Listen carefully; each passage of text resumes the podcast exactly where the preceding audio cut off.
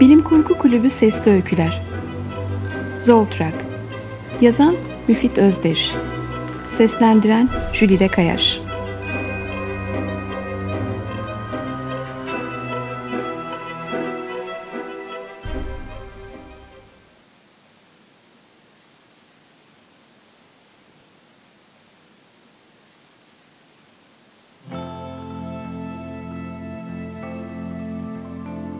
Yine yanmış dedi Bonzo da Kore. Statör ünitesinin erişim kapağını hırsla kapatarak. Ne yanmış diye sordu Lea da Kore merak ve endişeyle. Zoltrak kablosu daha dün değiştirmiştim. Ha iyi dedi Lea ferahlayarak. Nasılsa iki tane yedeğimiz var. Ötekini takarsın. Ne var? Niye öyle bakıyorsun? E, yedeğin birini dün kullandık. Öbürünü de şey... Şey ne? Hani hatırlıyor musun geçenlerde Orion sektörüne gönderilmiştik. CF 822 pulsarındaki periyot değişiminin nedenlerini araştırmak için. Evet. Dönüşte yine Zoltrak kablosunu yakmıştık. E ne olmuş? Üste döndüğümüzde yeni kablo almayı unuttum diye itiraf etti Bonzo. Lea'nın gözleri dehşetle açıldı. Yani yedek kablomuz yok mu şimdi? Korkarım öyle dedi Bonzo. Allah'ın belası herif. Nasıl unutabilirsin? Senin kadar tembel ve sorumsuz biri olamaz. Ben sana demedim mi üste dönünce hemen eksikleri tamamla diye? Ne yapacağız şimdi?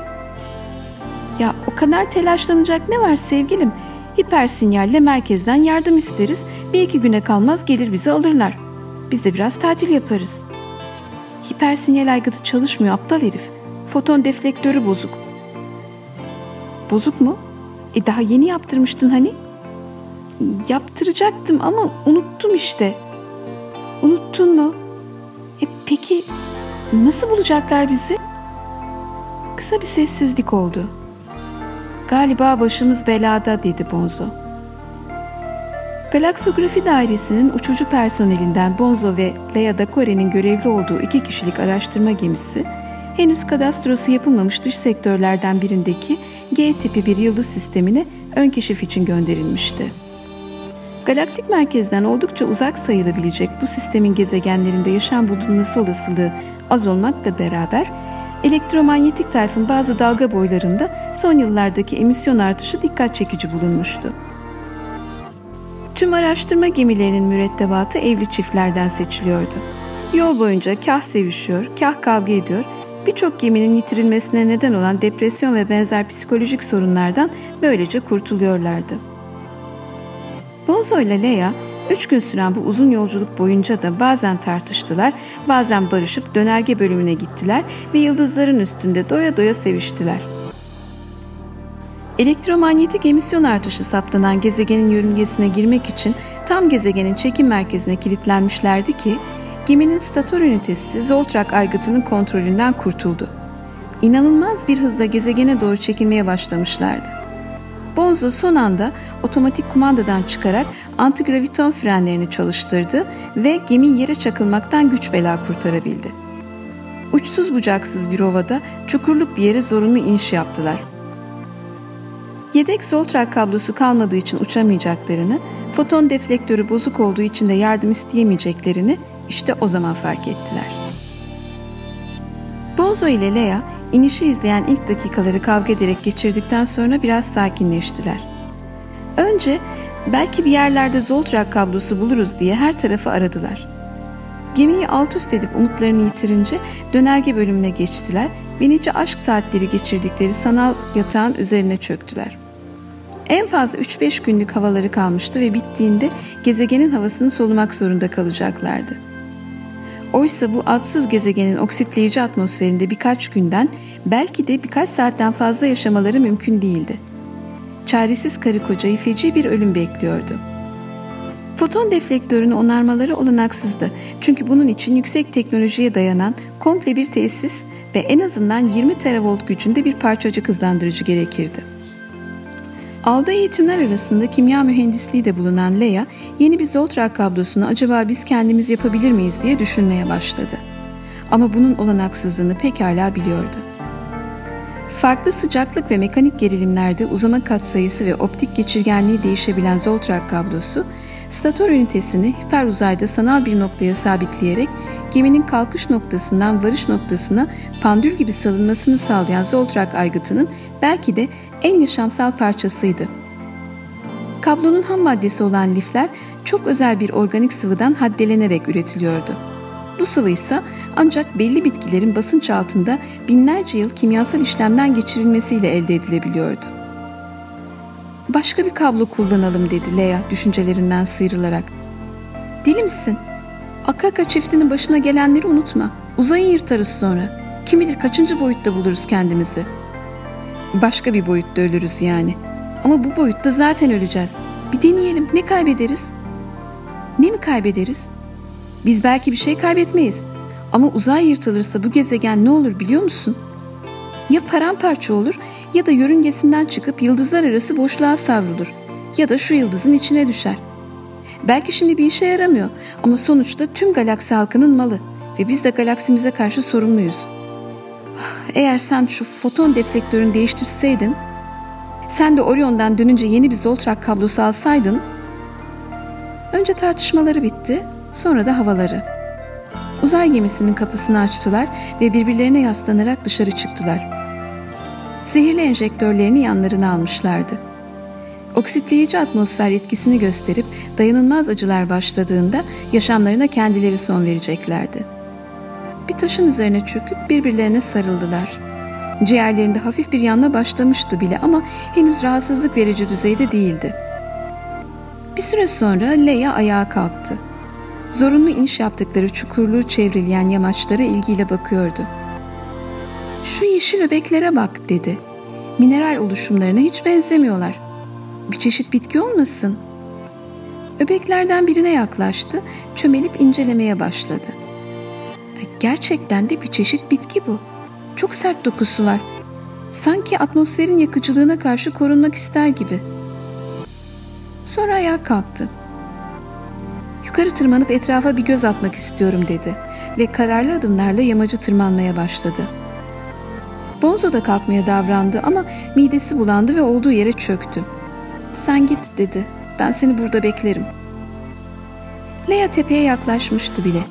Kenardaki bitki öbeklerine tutunarak kendini son bir gayretle yukarı çekti ve bir yaratıkla burun buruna geldi. Leia'nın o güne dek gördüğü en tuhaf ve korkunç yaratıktı bu. Her tarafı renk renk pörsümüş derilerle kaplıydı. Siyah, gri, mavi, kahverengi, pembe, beyaz. Çok iri olmasına rağmen yalnızca iki lokomotor organ üzerinde neredeyse yıkılacakmış gibi dengede duruyordu. Gövdesi yer çekimine meydan okurcasına dimdik yukarı yükseliyor ve üç garip uzantıyla sona eriyordu. Lokomotor organları andıran iki uzantı yanlara doğru çıkıp aşağı sarkıyor ve en uçta dallanarak daha ufak birkaç uzantıya ayrılıyordu. Ama canavarın en dehşet verici yeri tepedeki uzantısıydı. Tümörü andıran bu yuvarlak cismin üzerinde sıvımsı tuhaf bir maddeyle dolu iki iğrenç çukur, çeşitli et parçaları ve delikler vardı. Ortadaki büyük bir deliğin içi ve çeperleri sümüksü bir dokuyla kaplıydı. Uzantının tepesinden, dibinden ve salyalı büyük deliğin çevresinden karma karışık siyah ve beyaz kıllar fışkırıyordu. Bir an derin bir sessizlik oldu. Sonra yaratığın büyük deliği açılarak daha da büyüdü. İçinde sarı kemik parçaları ve büyük bir parça pembe et görülebiliyordu. Deliğin açılmasıyla birlikte içindeki et parçası dalgalanmaya ve havaya titreşimler yaymaya başladı. Ödü patlayan Leia tam dönüp ardına bakmadan kaçacaktı ki, yaratığın üst yan uzantılarından birinin ucunda gördüğü şey onu olduğu yere mıhladı. Bu bir Zoltrak kablosuydu. Leia şaşkınlığı geçtikten sonra korkusunu yenerek yaratığın üstüne atıldı ve kabloyu çekip almaya çalıştı. Canavar gibi bir yaratığın evrenin bu ücra köşesinde nasıl olup da bir Zoltrak kablosuyla karşısına çıkıverdiğini düşünmeye vakti yoktu. Yaratık en uçtaki küçük uzantılarıyla kabloyu kavramış, geri çekmeye çabalıyordu. Leia da can havliyle kablonun bir ucuna yapışmış çekiştiriyordu. Ciğerleri acı verecek kadar yanmaya başlamıştı. ''Ver şunu bana.'' Bırak Tanrı'nın belası. Yaratık aniden hareketsizleşti. Kablonun ucunu bıraktı ve sallanmaya başladı. Lokomotor organları tuhaf bir şekilde ortadan ikiye katlandı ve yaratık ağır ağır yere devrildi. Leia bir an durakladı. Yaratık kımıldamadan yatıyordu. Leia döndü ve yarı koşarak yarı yuvarlanarak yamaçtan aşağı indi. Bonzo'ya sesleniyor, Zoltrak kablosunu sevinçle havada sallıyordu. Bonzo zehirli enjektörleri çoktan hazırlamıştı bile. Kabloyla koşarak gelen Leia'yı görünce neredeyse gözlerine inanamayacaktı. Leia başına gelenleri bir çırpıda anlattı. Bir yandan da yaratık acaba kalkıp peşimden gelir mi diye yamacın tepesini gözlüyordu. Gerçekten çok küreklisin diye coşkuyla kucakladı karısını Bonzo. Gemiye girip kabloyu bağladılar ve hemen havalandılar. Leia dönerge lombozundan baktığında karşılaştığı yaratığın yanına başka yaratıkların da toplandığını gördü.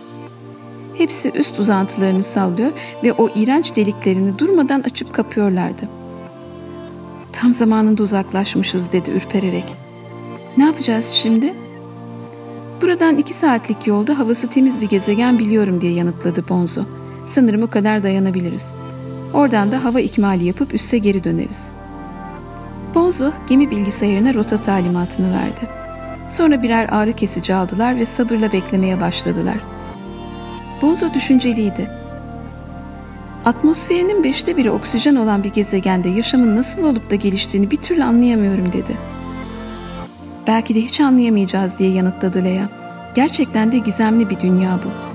Ne kadar iğrenç bir yaratıktı bilsen. Acaba böyle ilkel yaratıklar Zoltrak kablosunu nasıl üretebilmişler? Hem ne işlerine yarayabilir ki Zoltrak kablosu? İkisi de evrenin gizemleri karşısında ürpererek reseptör yapraklarını salladılar. Hayretten mosmor ötesi kesilmiş kuyruk bıdırcıklarını ters yüz ettiler ve dorsal çiftleşme mukozalarını birbirine yapıştırarak çılgınca sevişmeye başladılar. Traktör yol kenarında yatan adamın hizasında sert bir frenle durdu. Römorktaki yolcular hemen atlayıp yerde yatan adamın yanına koştular. Hacı emmi bu. Araba mı çarpmış acep? Hayır, yara bere yok baksana. Başına güneş vurmuştur. Su getirin. Traktörün sürücüsü de inmiş, Hacı Emin'in başına şimdi altı kişi toplanmıştı. Birisi koşup römorktan bidonla su getirdi. Adamcağızın yüzüne serptiler, saçını ıslattılar. Köylülerden biri ceketini katlayıp başını arkaladı. Hacı Emi kendine gelir gibi oldu, gözleri aralandı. Eşhedü en la ilahe illallah ve eşhedü enne Muhammeden abduhu ve resuluhu. Neredeyim ben? Buradasın Hacı Emmi. Şosenin kenarına yan gelmiş yatıyorsun. O nerede? Kim nerede? İblis. Demin karşıma çıkan iblis midir cin midir o işte. Yine gözlerini yumup dualar mırıldanmaya başladı. Adamlar birbirlerine baktılar. Hayal görmüşsün hacı emmi. Güneş vurmuş kafana. Vallahi de gördüm, billahi de gördüm. Aha, nah şuradaydı. Osman'ın durduğu yerde. Ekmek Kur'an çarpsın. Adamlar güldüler.